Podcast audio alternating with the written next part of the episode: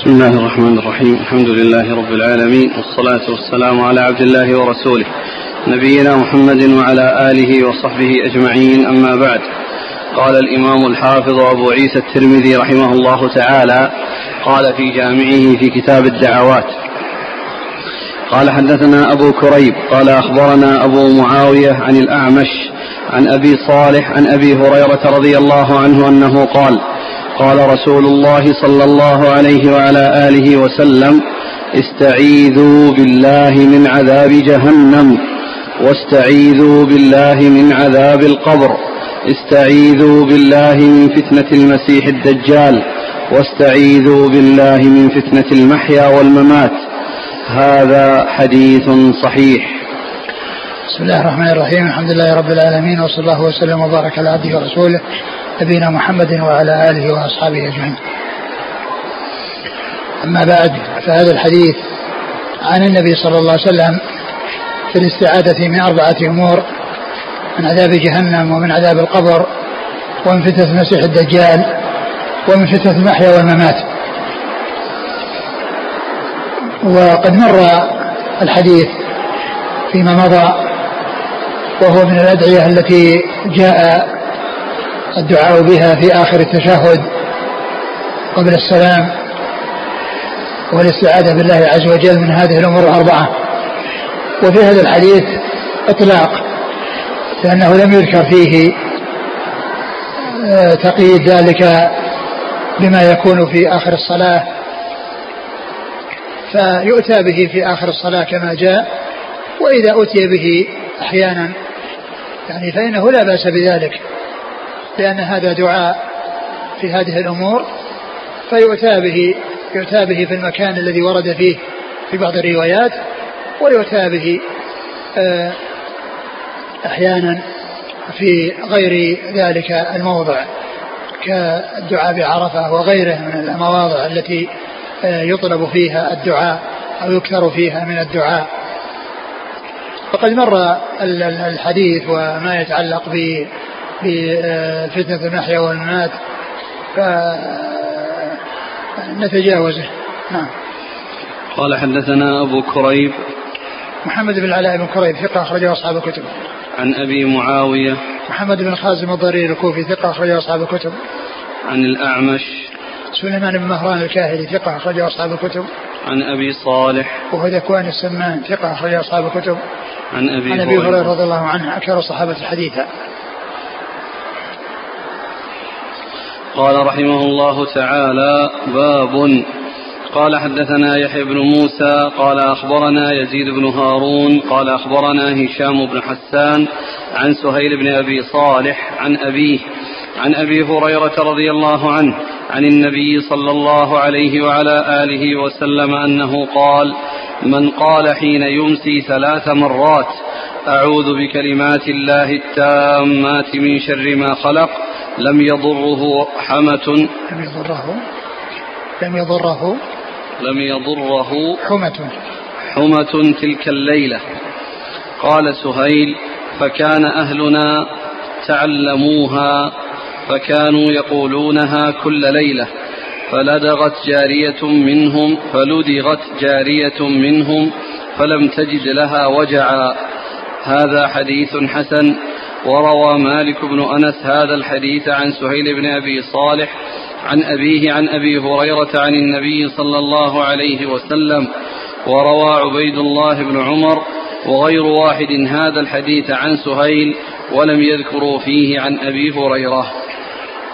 ثم ورد أبو عيسى هذا الحديث الذي يتعلق بالاستعاذة بكلمات الله التامات من شر ما خلق وهو دعاء عظيم. يؤتى به في المساء في أول, في أول الليل كما جاء في هذا الحديث. من قالها حين يمسي أعوذ بكلمات الله التامات من شر ما خلق لم يضره شيء أو لم يضره حمى. تلك الليلة حمى يعني السم ذوات السموم. هذه هي المقصود بها الحمى كالحية والعقرب وغيرها من ذوات السموم. وذكر الحمى وأنها لا تضر لأن الليل تنتشر فيه الحشرات وتنتشر فيه الحيات والعقارب وغيرها مما يؤذي. فجاء الاستعاذة بالله عز وجل أو الاستعاذة بكلمات الله التامات من شر ما خلق أو من شر من شر ما خلق. لم أنه لم يضره آه، حمة في تلك الليلة. أي إنما ينتشر من الأشياء المؤذية فإنها لا تضره بإذن الله إذا أتى الإنسان بهذا الذكر أو بهذا بهذه بهذه الاستعاذة. وكلمات الله التامات معلوم أن الله عز وجل كلماته قدرية وقدرية كونية وشرعية دينية. وكلماته الدينية الشرعية القرآن الكريم الذي هو كلامه. وكلماته الكونية هي ما يقدره وما كتب في اللوح المحفوظ مما هو كائن فإن هذه كلمات كونية. يعني كلمات كونية يعني أن الله يقول للشيء كن فيكون. يعني فما قدره الله وقضاه وشاءه فإن هذا آه، من الكلمات الكونية. وإن كان اللوح المحفوظ مكتوب فيه الكلمات الشرعية كما جاء في القرآن أن القرآن مكتوب في اللوح المحفوظ ولكن المقدرات والأشياء الكائنات كلها مكتوبة في اللوح المحفوظ وكل ما قدره الله وقضاه فإنه مكتوب ولا بد أن يكون ويقال لها كلمات كونية.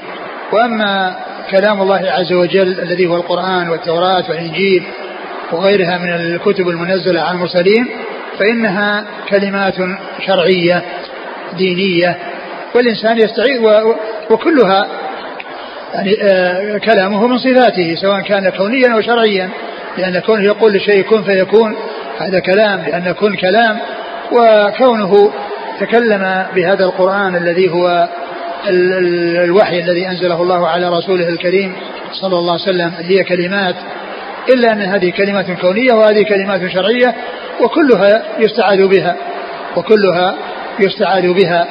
ففيه دليل على الاستعاذة بصفات الله عز وجل لأن كلمات الله عز وجل أو كلام الله عز وجل من صفاته سبحانه وتعالى. و والتامات يعني التي هي في غاية التمام وليس فيها نقص وإنما هي كاملة وتامة. ثم ذكر أن جارية آه، آه، لهم أنها لدغت في ليلة من الليالي فلم تضرها يعني أن هذا اللدغ ما حصل له ضرر وما وجد منه ضرر. وبعض العلماء جاء أنه نسي أن يتعوذ بتلك الكلمات فلدغته عقرب فتذكر ما به فإذا هو نسي أن يتعوذ بتلك الكلمات. نعم. قال حدثنا يحيى بن موسى. هذا الحديث هو أول الأحاديث التي سقطت من النسخة المطبوعة التي بأيدينا وهي موجودة في تحفة الأشراف وموجودة في كتاب ال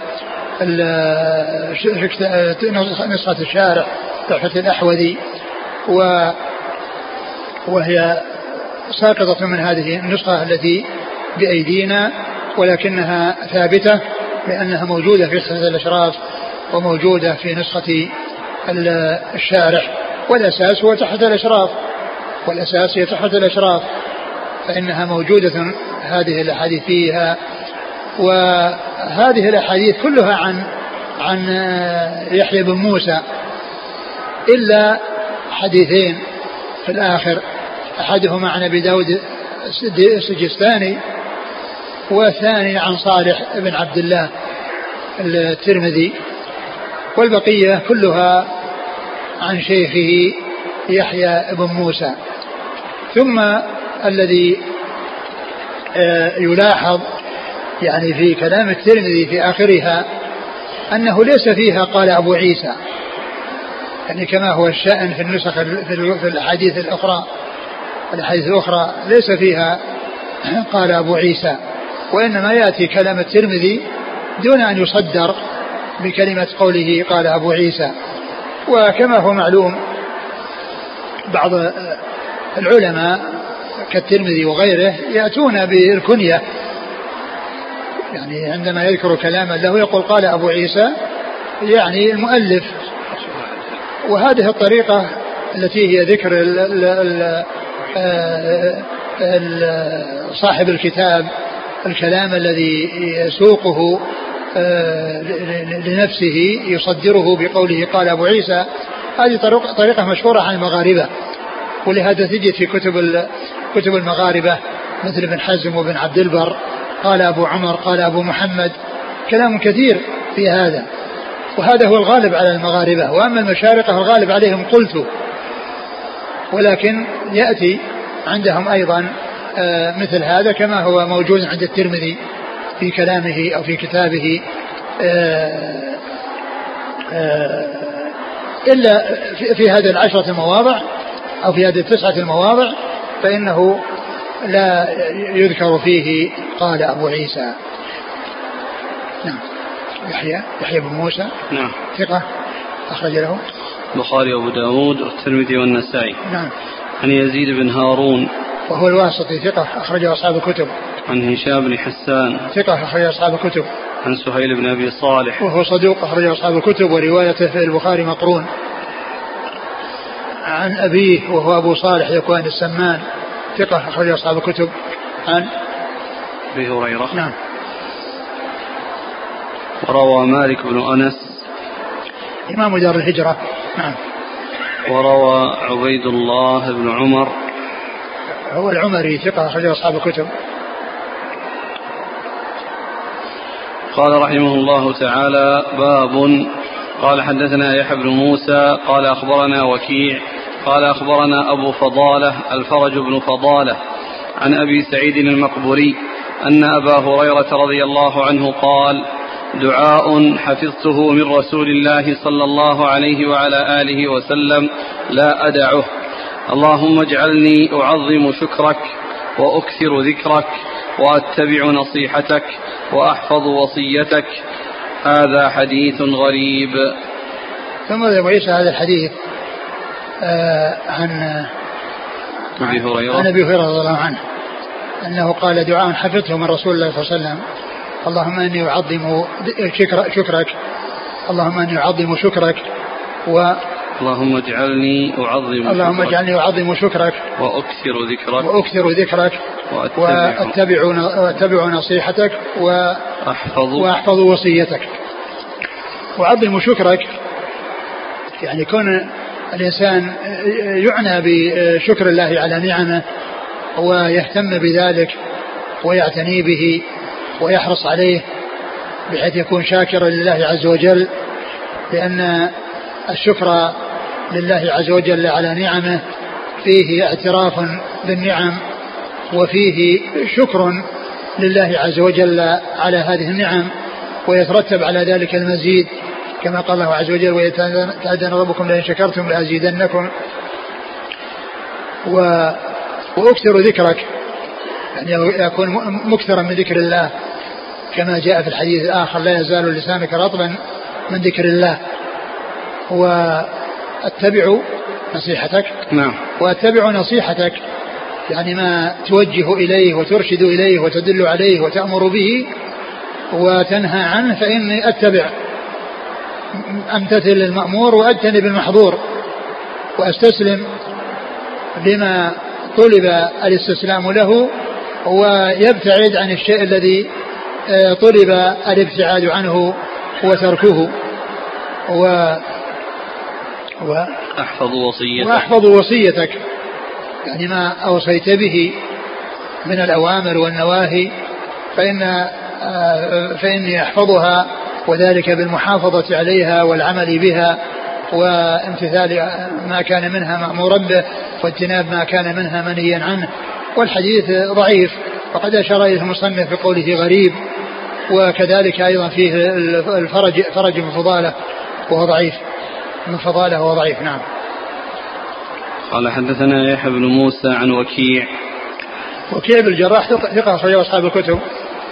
عن أبي فضالة الفرج بن فضالة؟ وهو ضعيف أخرج له. أبو داود والترمذي وابن ماجه. عن أبي سعيد المقبري أبو سعيد المقبري ثقة أخرجه أصحاب الكتب. عن أبي هريرة.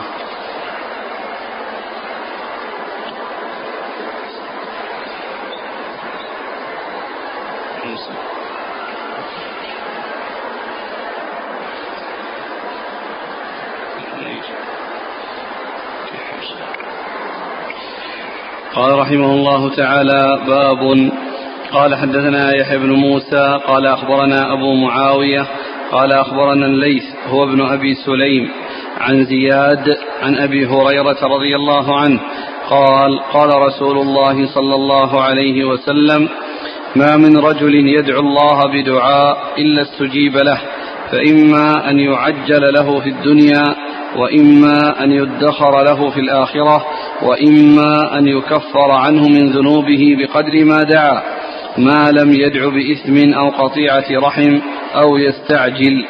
قالوا يا رسول الله وكيف يستعجل؟ قال يقول دعوت ربي فما استجاب لي. هذا حديث غريب من هذا الوجه. ثم ابو عيسى هذا الحديث عن النبي صلى الله عليه وسلم أنه قال ما من رجل يدعو الله بدعاء إلا استجيب له. ما من رجل يدعو الله رجل هنا لا مفهوم له. فإن النساء كذلك ولكن الغالب أن الخطاب مع الرجال والكلام مع الرجال. فذكر الرجال في مثل هذه المواضع لا مفهوم لها. ما من رجل وما من امرأة يدعو الله عز وجل بدعاء بدعاء إلا استجيب له. إلا استجيب له. فإما أن يعجل له فإما أن يعجل وإما أن يدخر وإما يدخر له في الآخرة وإما أن يكفر أن عنه يكفر عنه من سيئاته بقدر ما دعا. بقدر ما دعا. ما لم؟ ما لم يدعو بإثم أو قطيعة نعم رحم. يعني هذا الدعاء إذا هذا الدعاء الذي يقبل وبأن يحقق له ما يريد أو يدخر له في الآخرة يعني بشرط أن لا يكون بإثم أو بأمر محرم أو بقطيعة رحم.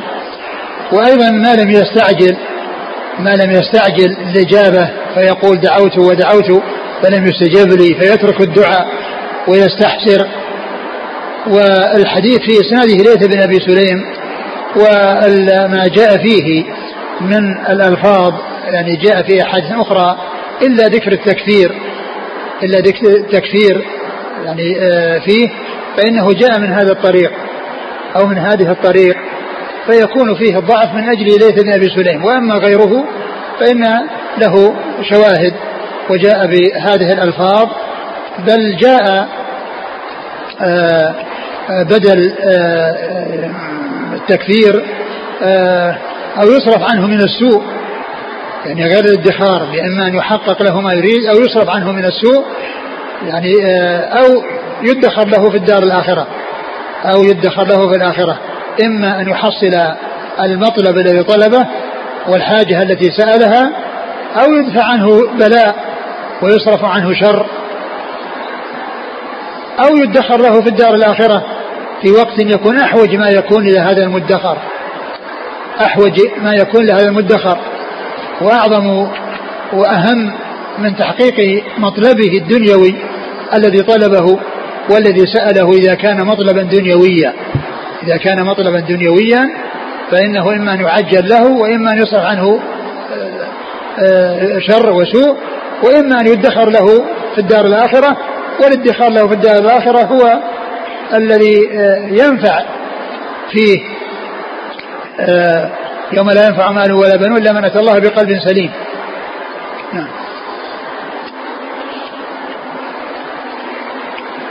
ما لم يدع بإثم أو قطيعة رحم أو يستعجل.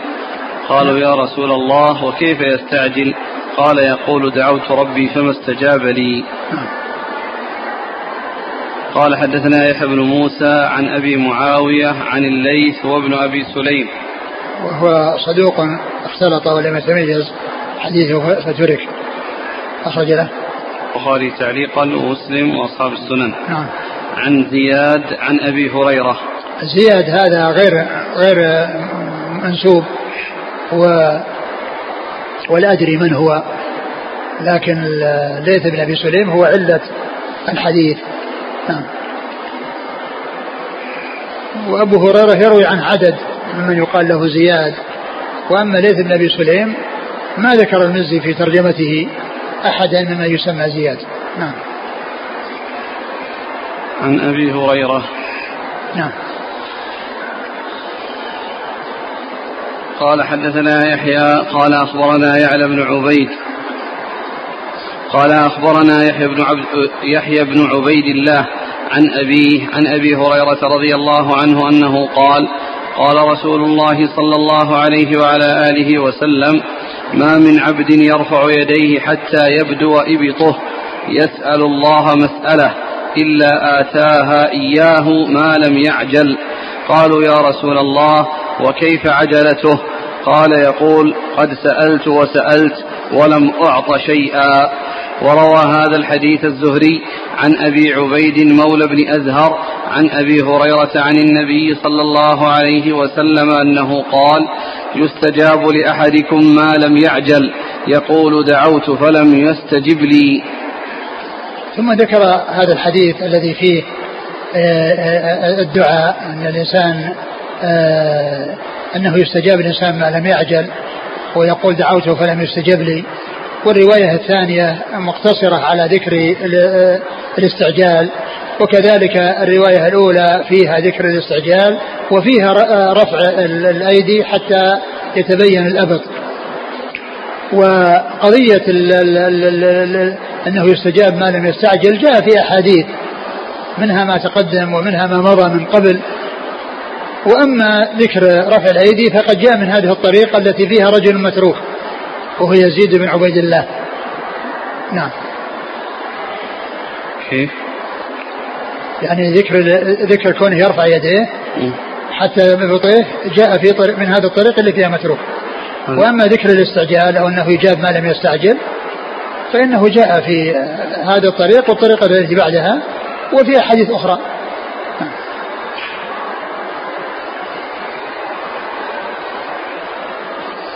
يحيى يحيى بن عبيد الله. يحيى هو بن عبيد يحيى بن بن يحيى بن لا أنتم ذكرتم يزيد بن عبيد الله المتروك هو يحيى. هو يحيى نعم يحيى أنا قلت يزيد. نعم. لا هو يحيى نعم. قال حدثنا يحيى عن يعلى بن عبيد. يحيى هو ابن موسى الذي تقدم ويعلى بن عبيد هو ثقة أخرجه أصحاب الكتب. نعم. عن يحيى بن عبيد الله. وهو متروك أخرج له. الترمذي وابن ماجه نعم. عن أبيه وهو مقبول أخرج البخاري في المفرد وأبو داود والترمذي والنسائي في مسند علي نعم. وابن ماجه عن أبي هريرة. نعم.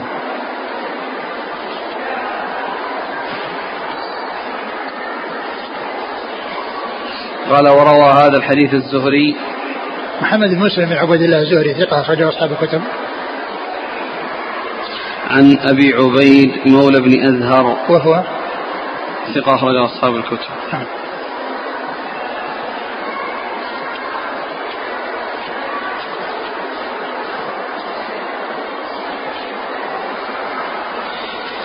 قال رحمه الله تعالى باب قال حدثنا يحيى بن موسى قال أخبرنا أبو داود قال أخبرنا صدقة بن موسى قال أخبرنا محمد بن واسع عن سمير بن نهار العبدي عن أبي هريرة رضي الله عنه أنه قال قال رسول الله صلى الله عليه وآله وسلم إن حسن الظن بالله من حسن عبادة الله. هذا حديث غريب من هذا الوجه. ثم ذكر أبو عيسى هذا الحديث إن حسن الظن بالله من حسن عبادة الله.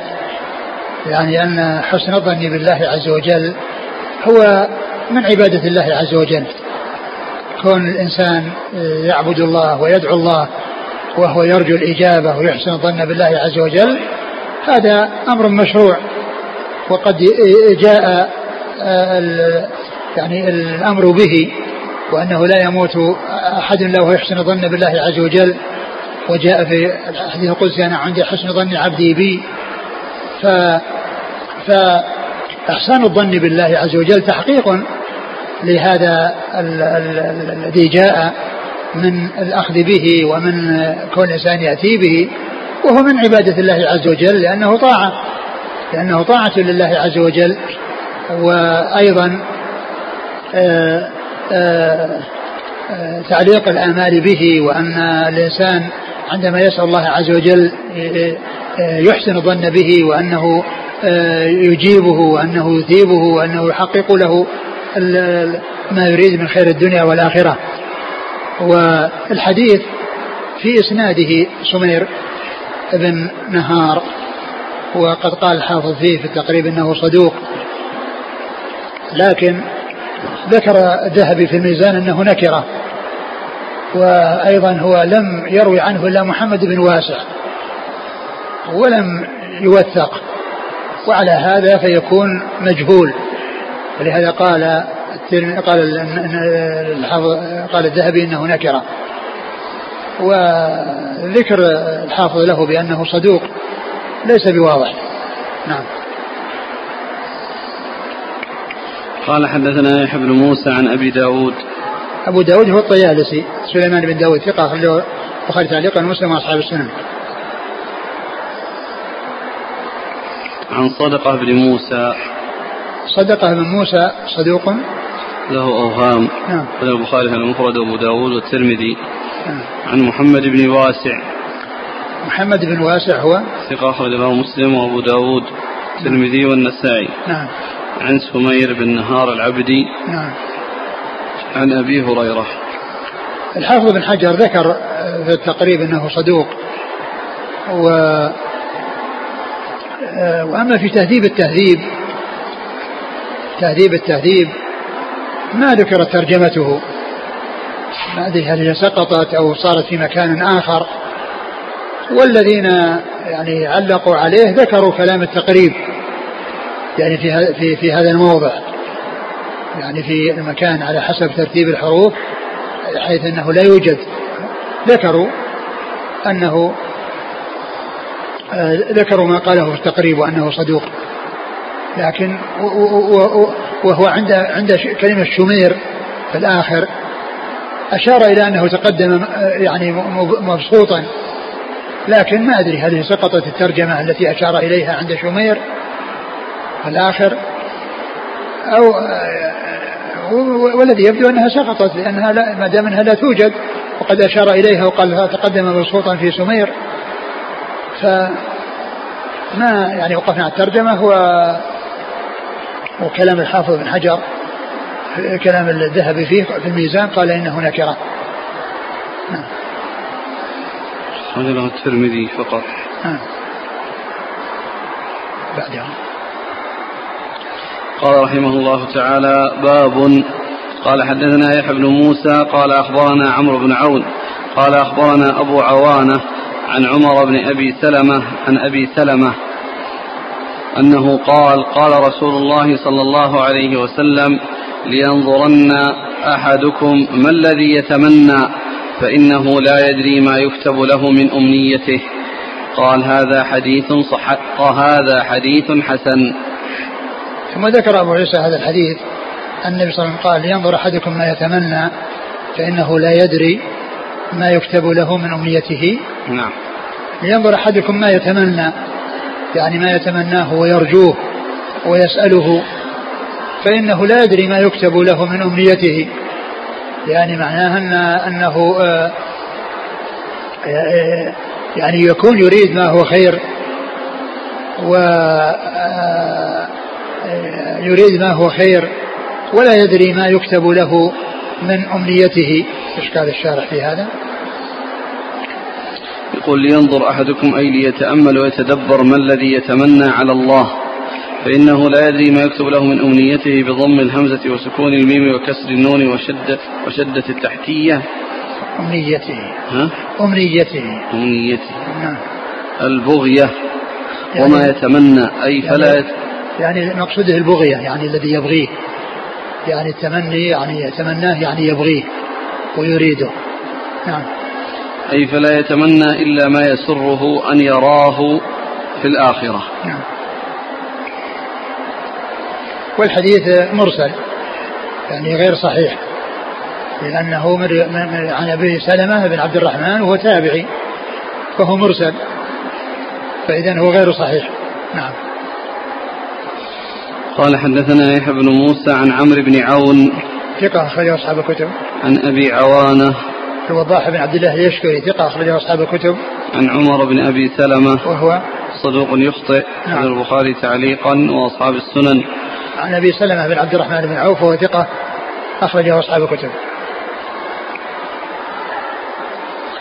قال رحمه الله تعالى باب قال حدثنا يحيى بن موسى قال أخبرنا جابر بن نوح قال أخبرنا محمد بن عمرو عن أبي سلمة عن أبي هريرة رضي الله عنه أنه قال كان رسول الله صلى الله عليه وعلى آله وسلم يدعو فيقول اللهم متعني بسمعي وبصري واجعلهما الوارث مني وانصرني على من يظلمني وخذ منه بثأري. هذا حديث غريب من هذا الوجه. ثم ذكر أبو هذا الحديث الذي في دعاء النبي صلى الله عليه وسلم وهو جزء من دعاء طويل سبق أن مر بنا وهو حديث صحيح. وهو في هذا الإسناد فيه جابر بن نوح وهو ضعيف لكنه قد صح فيما تقدم في الحديث الطويل الذي سبق أن مر بنا. فإن هذا الذي فيه جزء مما جاء في ذلك الحديث. فإذا الحديث من حيث الإسناد ضعيف ولكنه صح لمجيئه من وجه آخر صحيح. نعم. قال حدثنا يحيى بن موسى عن جابر بن نوح وهو ضعيف أخرج له الترمذي والنسائي. نعم. عن محمد بن عمرو. محمد بن عمرو بن علقمة وقاص الليثي ثقة. صدوق صدوق أخرج أصحاب الكتب عن أبي سلمة؟ نعم. عن أبي سلمة عن أبي هريرة نعم.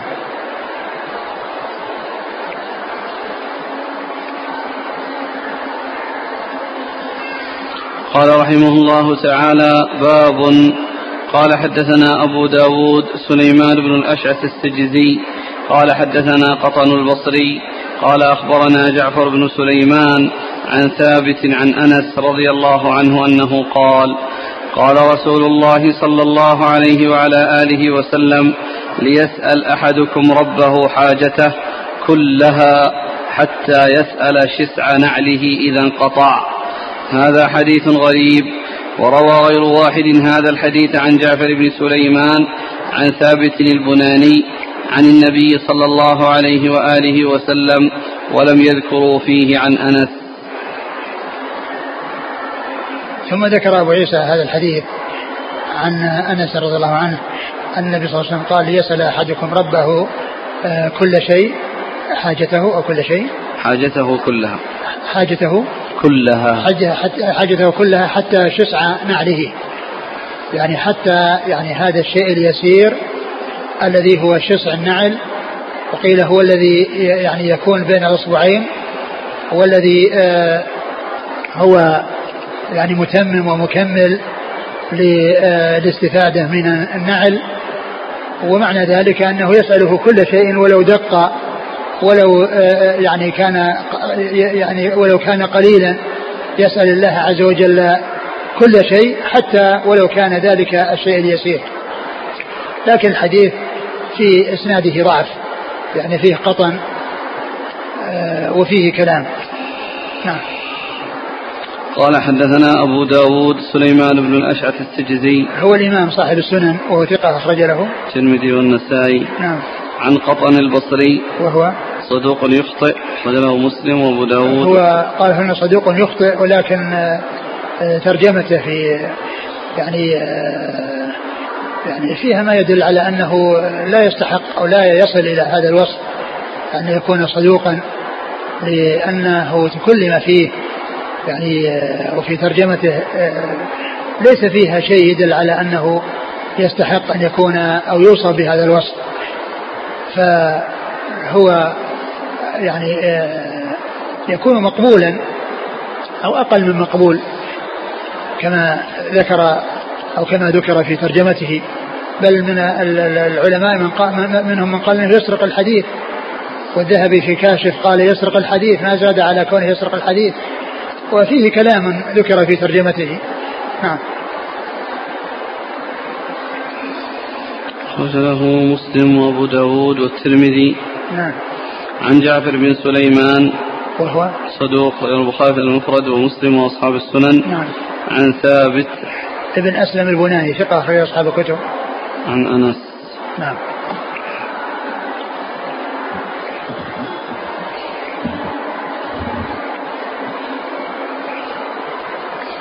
قال حدثنا صالح بن عبد الله.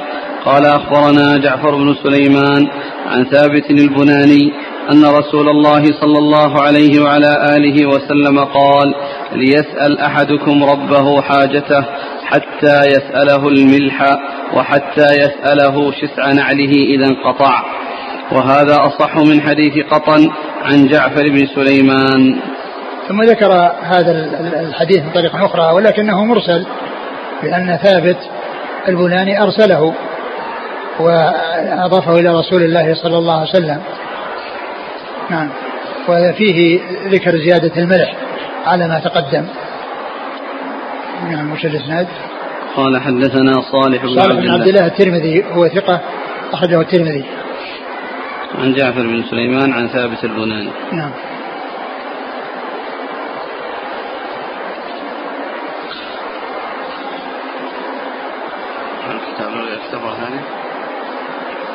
باب المناقب.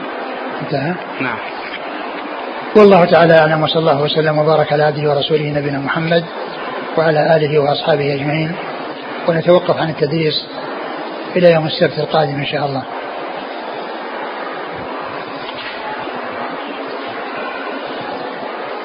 جزاكم الله خيرا وبارك الله فيكم. ألهمكم الله الصواب ووفقكم الحق.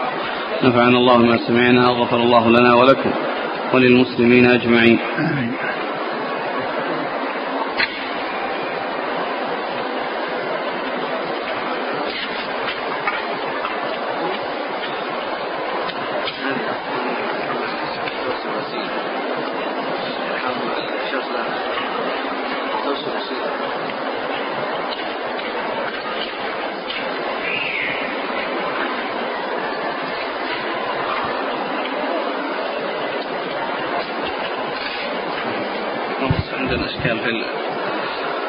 آمين. الإسناد اللي مر معنا أبو سعيد المقبري في نسخة الشيخ الألباني رحمه الله الحمصي.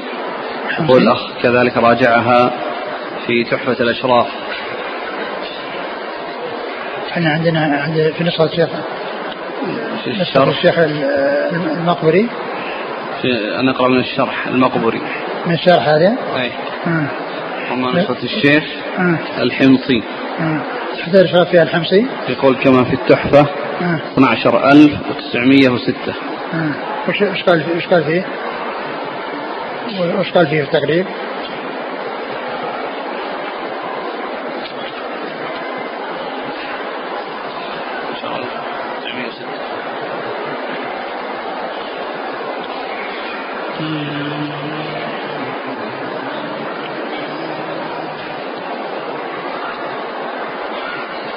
يقول في الكنى أبو سعيد الحمصي هو عبد الله بن بسر بن بسر السكسكي تقدم.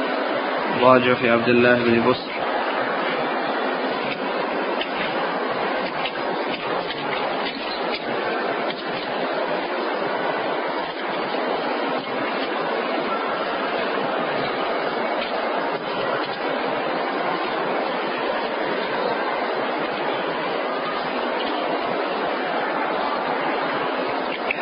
ما أظن يصلح. عبد الله بن بسر السكسكي الحبراني بضم المهملة وسكون الموحدة. أبو سعيد الحمصي سكن البصرة. ضعيف من الخامسة. قال له أبو داود في المراسيل والترمذي وابن ماجه. إيش الإسناد؟ إيش الإسناد؟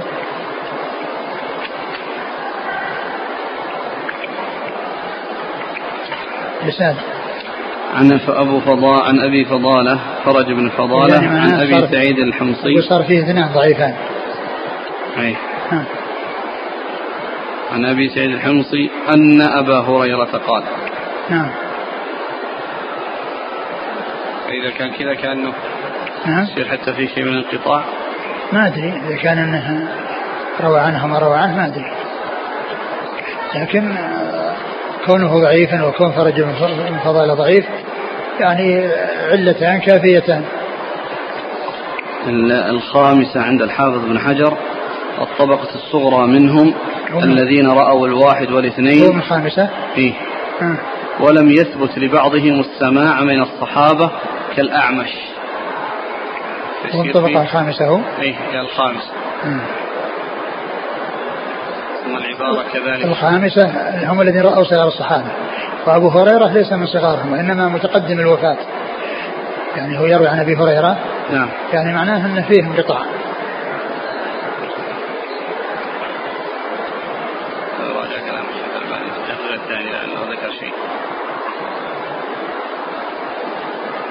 إلا إذا كان معمر كثيرا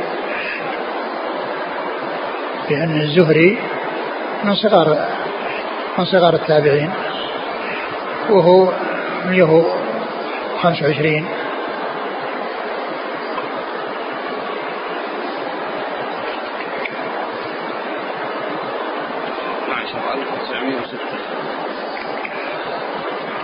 اللي فيها المقبري نسخة الشارع. نعم.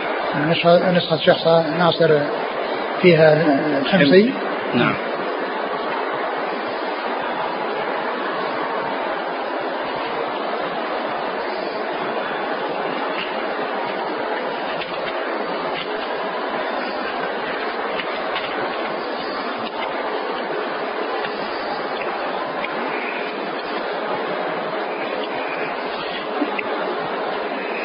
لكن في الشرح ما تعرض له الشارع ما أشار إليه.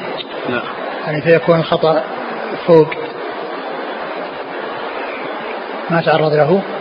لا لم يتعرض. له آه.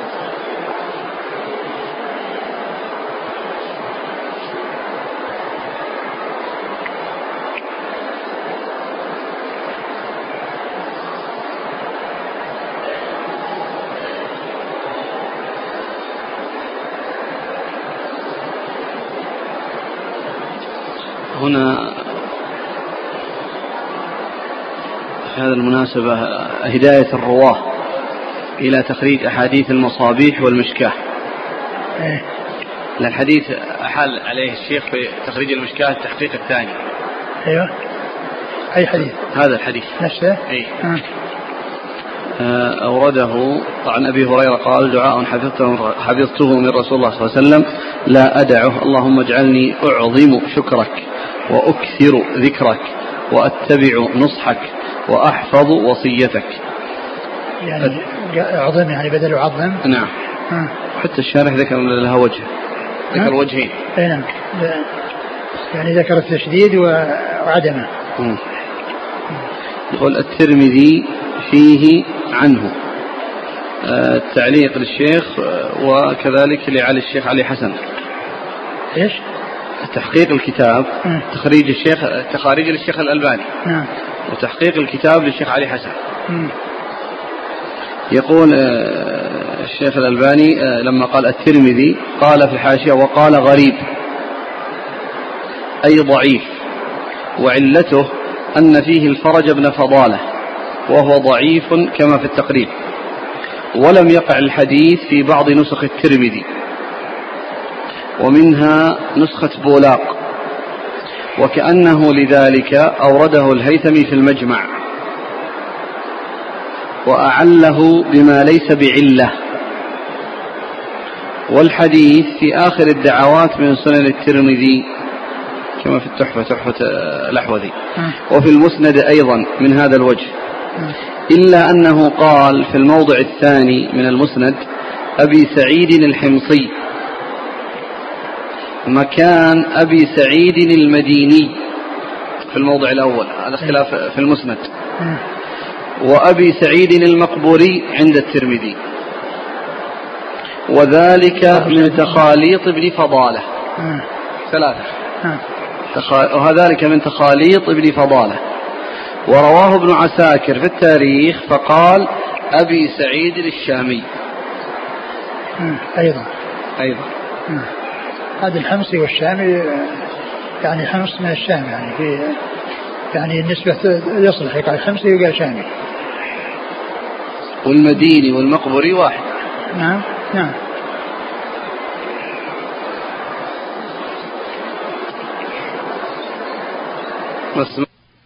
كل الحديث يعني يعني لو لو لم يكن فيه إلا الفرج والفضاله يكفي.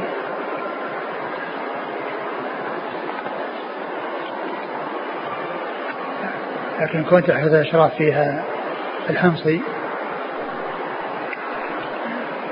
يعني عمدة الأشراف يعني عمدة.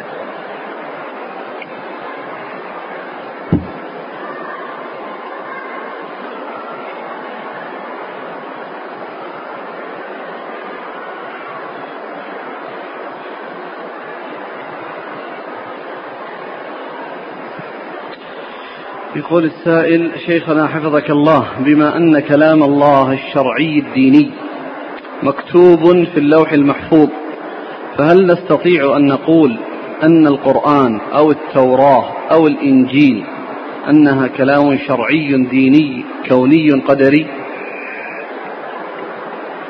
لا هي كلام التوراة هي كلام شرعي كلام شرعي ديني. وكونه مكتوبا في اللوح المحفوظ آه، هو متكلم به يعني متكلم به وجبريل لا يأخذ من اللوح المحفوظ عندما آه، عندما يأخذ القرآن يأخذه من الله ويسمعه من الله وينزل به. فالقرآن يقال من الكلمات الدينية الشرعية. يعني الكلمات الدينية الشرعية يعني مثل مثل الإرادة الدينية الشرعية. لأن الكون يعني آه، هو الذي المقدر الذي لابد أن يكون.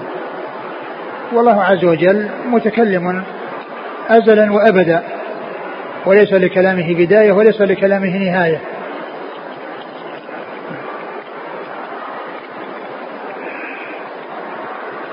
والكلام الكوني مثل كن يعني يكون يقول الشيء كن فيكون.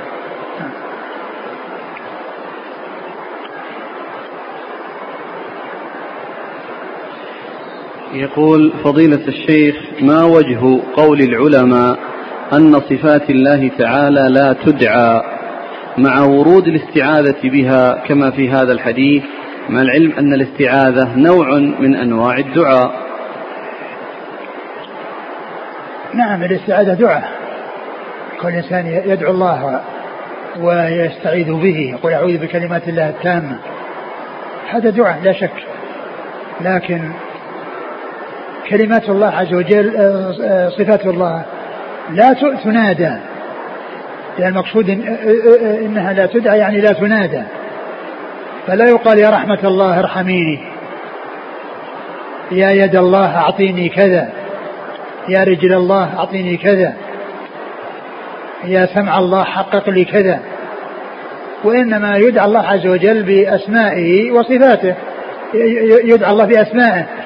ويتوسل إليه بأسمائه وصفاته ويستعاد بأسمائه وصفاته. فأعوذ بكلمات الله التامة. هذا استعاذة. يستعيذ الإنسان بكلمة الله. لكن لا ينادي كلمة الله ولا يطلب من كلمة الله شيء. يقول يا رحمن ارحمني يا عزيز عزني يا كريم اكرمني يا لطيف الطف بي يا عزيز عزني يا قوي قوني وهكذا. أما كونه يقول يا قدرة الله حققي لي كذا يا وجه الله أعطني كذا يا رجل الله حققي لي كذا يا يد الله حققي لي كذا يا سمع الله أعطني كذا هذا هو الذي لا يجوز. وما جاء شيء يدل عليه. حديث أعوذ بكلمات الله التامات من شر ما خلق. هل هو ذكر خاص بالمساء أم كذلك يذكر في الصباح؟ الحديث ورد في المساء. الحديث ورد في المساء. يعني في الكتب التي خرجته يعني أبو داود والترمذي وابن ماجه والمسند أحمد كلها ذكروا المساء.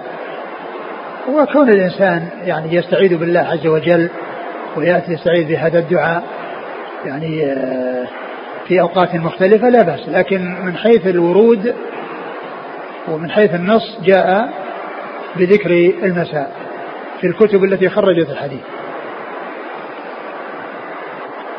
يقول وكل إنسان وكل إنسان يأتي به في النهار يعني ما في بأس.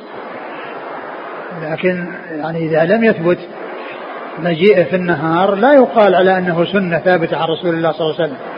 وإنما نجي أنه دعاء عظيم ودعاء فيه خير وفيه بركة وفيه فائدة عظيمة.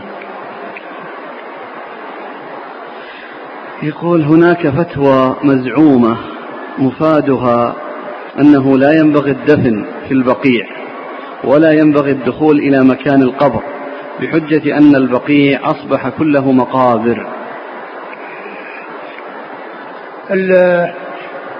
المكان إذا كان أنه يعني تقادم وذهبت يعني المدفون واختلط بالتراب فإذا حفر الناس وما وجدوا يعني إنسان أو ما ما وجدوا المقبور أو وجدوا يعني شيء من العظام أو شيء من كذا فلهم أن يميلوه ويجعلوه على جانب ويدفنوا في مكانه.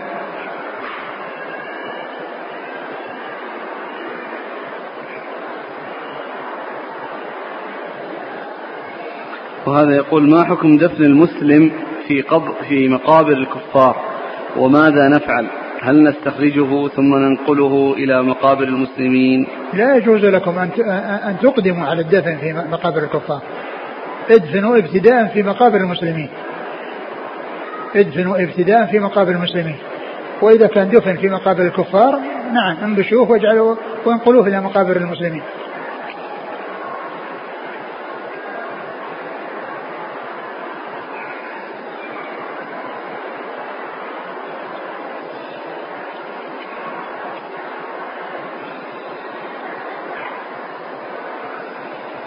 يقول آه، ما حكم وضع هذه الكراسي وسادة أو وتجعل وراء الظهر متكئا عليها والجلوس؟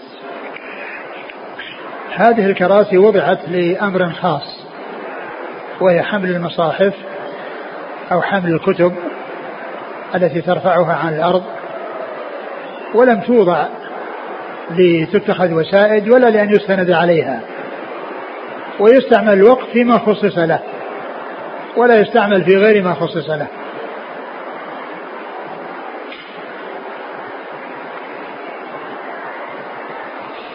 يقول آه، حفظك الله منذ حوالي أسبوعين تقريبا حصل لي أنني أعرف المسألة الشرعية جيدا ولكن عندما أعبر عنها بالكتابة ثم بعد يوم أو يومين أراجع ما كتبت أقول من كتب هذا؟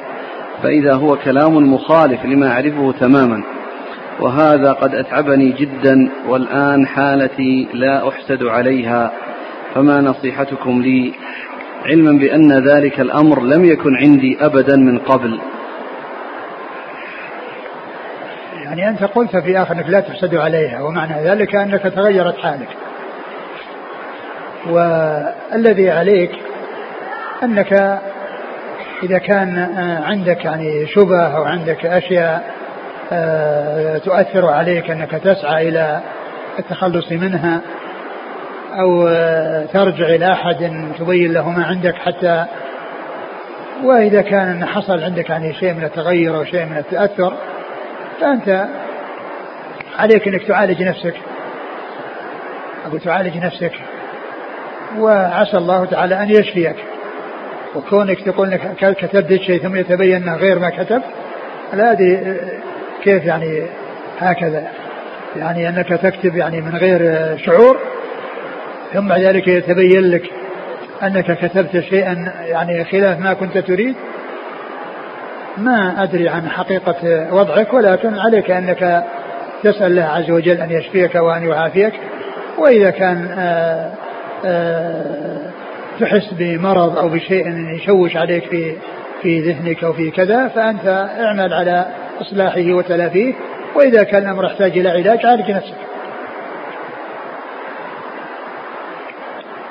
هذا الأخ يفيد بأن القرطبي رحمه الله ذكر في كتاب أحكام القرآن أنه لدغته حشرة أو هامة فتذكر بأنه لم يأتي بذلك الذكر. نعم. هو هذا الذي أنا أشرت إليه لكن ما كنت أذكر من قاله.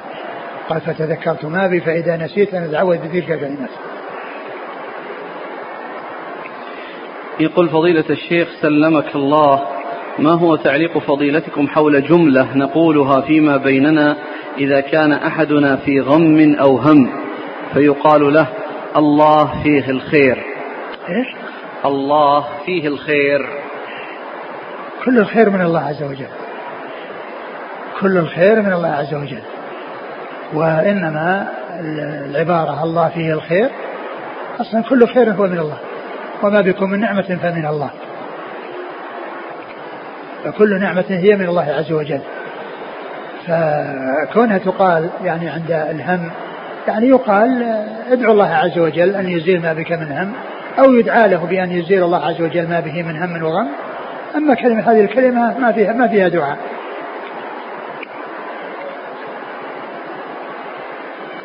يقول ما مدى صحة هذا الدعاء؟ اللهم ارحمنا فوق الأرض وارحمنا في بطن الأرض وارحمنا عند العرض.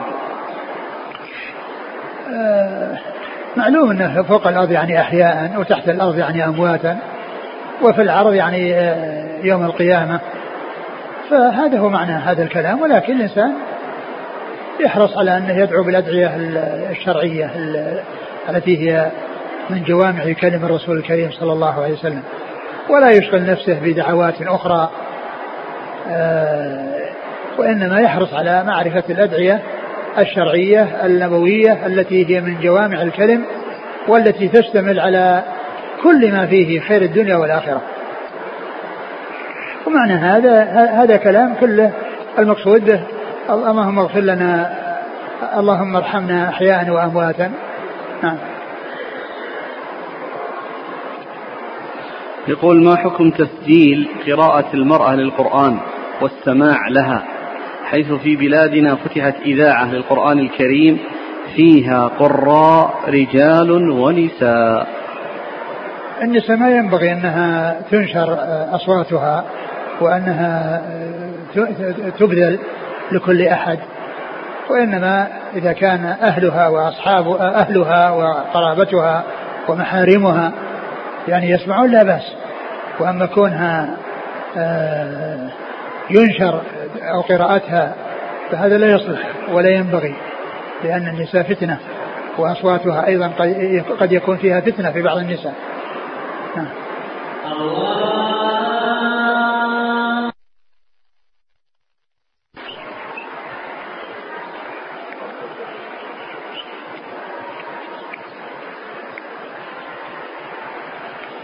نعم يقول آه، شيخنا حفظكم الله ما هي نصيحتكم آه، لمن يوسوس له الشيطان فيشغله في صلاته حتى يؤخره عن تكبيرة الإحرام؟ كما أنه يشك في صلاته هل هو دخل فيها في نفل أو فر؟ هل صلى ركعة أو ركعتين؟ وهكذا دائما ما هو الحل؟ الحل هو ترك الوسواس. الموسوس ليس أمامه إلا ترك الوسواس. الاستعاذة بالله عز وجل وترك الوسوسة.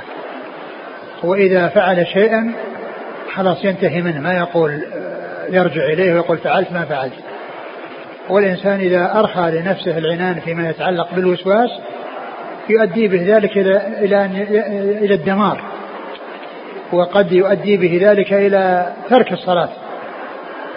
فالواجب على الإنسان الذي ابتلي بالوسواس أنه يسرع ويبادر إلى التخلص منه وذلك بالاستعاذة بالله من الشيطان الرجيم وأن يقبل على عبادته ويشتغل بما هو مطلوب فيها ولا يرجع أو يلتفت إلى وسوسة الشيطان له أنك فعلت أو أنك لم تفعل وإنما ينتهي من الشيء وخلاص يعتبر نفسه فعل.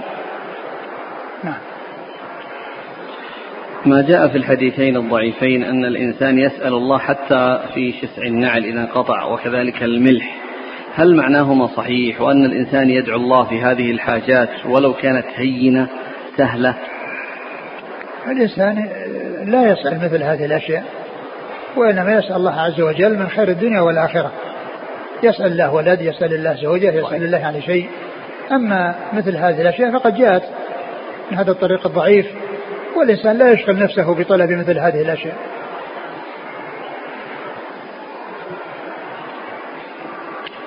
يقول أشكل علي دعاء صلاة الجنازة كيف يدعى لهم إذا كانوا جماعة أو اثنين أو كان الميت أنثى أو كان معهم أطفال؟ هل نلزم طريقة واحدة في الدعاء أم ماذا نفعل؟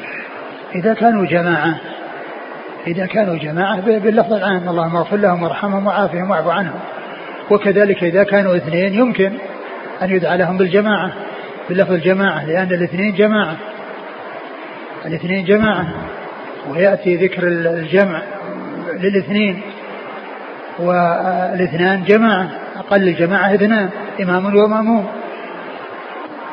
وإنما أقل الجمع عند النحويين اللي عندهم مفرد ومثنى وجمع لأن عندهم شيء من غير المثنى. وأما الاثنين فهما جماعة سواء في عند الفقهاء أو عند الفرضيين. الاثنان جماعة. فبالنسبة للفقهاء الاثنان جماعة إمام ومأموم وبالنسبة للفرضيين آه، إذا كان آه، ما جاء من من من ذكر الحج وما إلى ذلك فإنه يحصل بالاثنين كما يحصل بالثلاثة. كما يحصل بالثلاثة. وقد جاء في القرآن فقد سقط قلوبكما وهما قلبان. وجاء وكنا لحكمهم شاهدين وهما اثنان وداود وسليمان. يحكمان في الحرث إن فشل وكنا لحكمهم. حكمهم وهما اثنان. فيطلق على الاثنان بأنهما جمع. فسواء كانوا اثنين أو أكثر من اثنين يدعى لهم. وإذا كان معهم صغار فإنه يدعى مع الدعاء للكبار. للدعاء الذي يناسب الصغار اللهم اغفر لحينا وميتنا وصغيرنا وكبيرنا وكذلك يدعى لوالديه. نعم.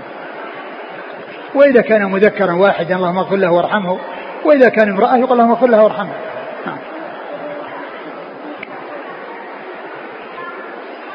يقول آه، لم أفهم جيدا معنى قول النبي صلى الله عليه وسلم وخذ منه بثأري. يعني ثأري لأنها يعني له ثأر عنده يريد أن آه، يأخذ ذلك الثأر. وذلك بإقدار الله عز وجل له بأن يثأر منه وأن يأخذ ثأره منه. نعم.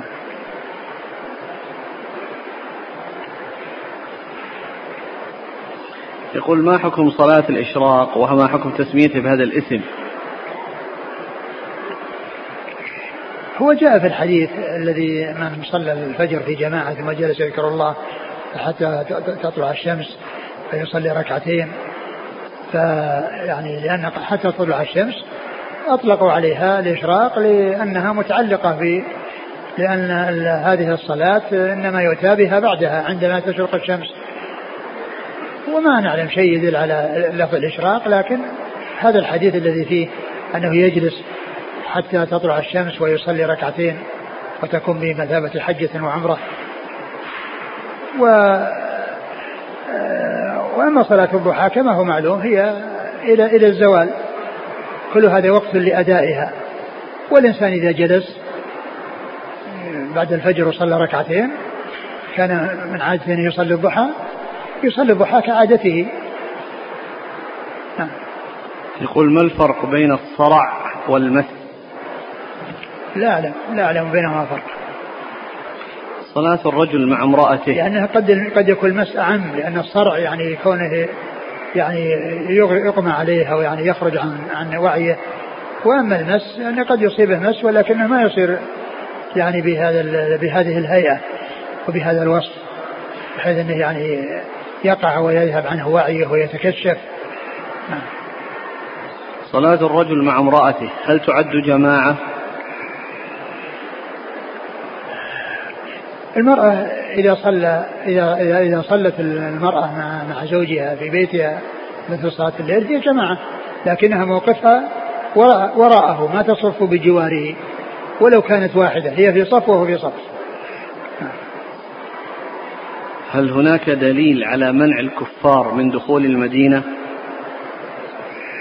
الكفار لا يجوز أن يدخلوا لا, لا, لا يجوز لهم آه، آه، دخولهم الجزيرة كلها جاء ما يدل على يعني منعه وأن الرسول قال أمرت أن أخرج اليهود والنصارى من الجزيرة حتى لا داعي إلا مسلما. لا داعي إلا مسلما. وإذا كان هناك حاجة تقتضي دخولهم يعني مؤقتا يعني لا استيطانا ولا استمرارا وبقاء لأن هذه الجزيرة لا يجوز أن يستوطنها إلا المسلمون فلا يستوطنها الكفار. لكن إذا دخلوا لحاجة لا بأس بذلك. ولا خير فيهم.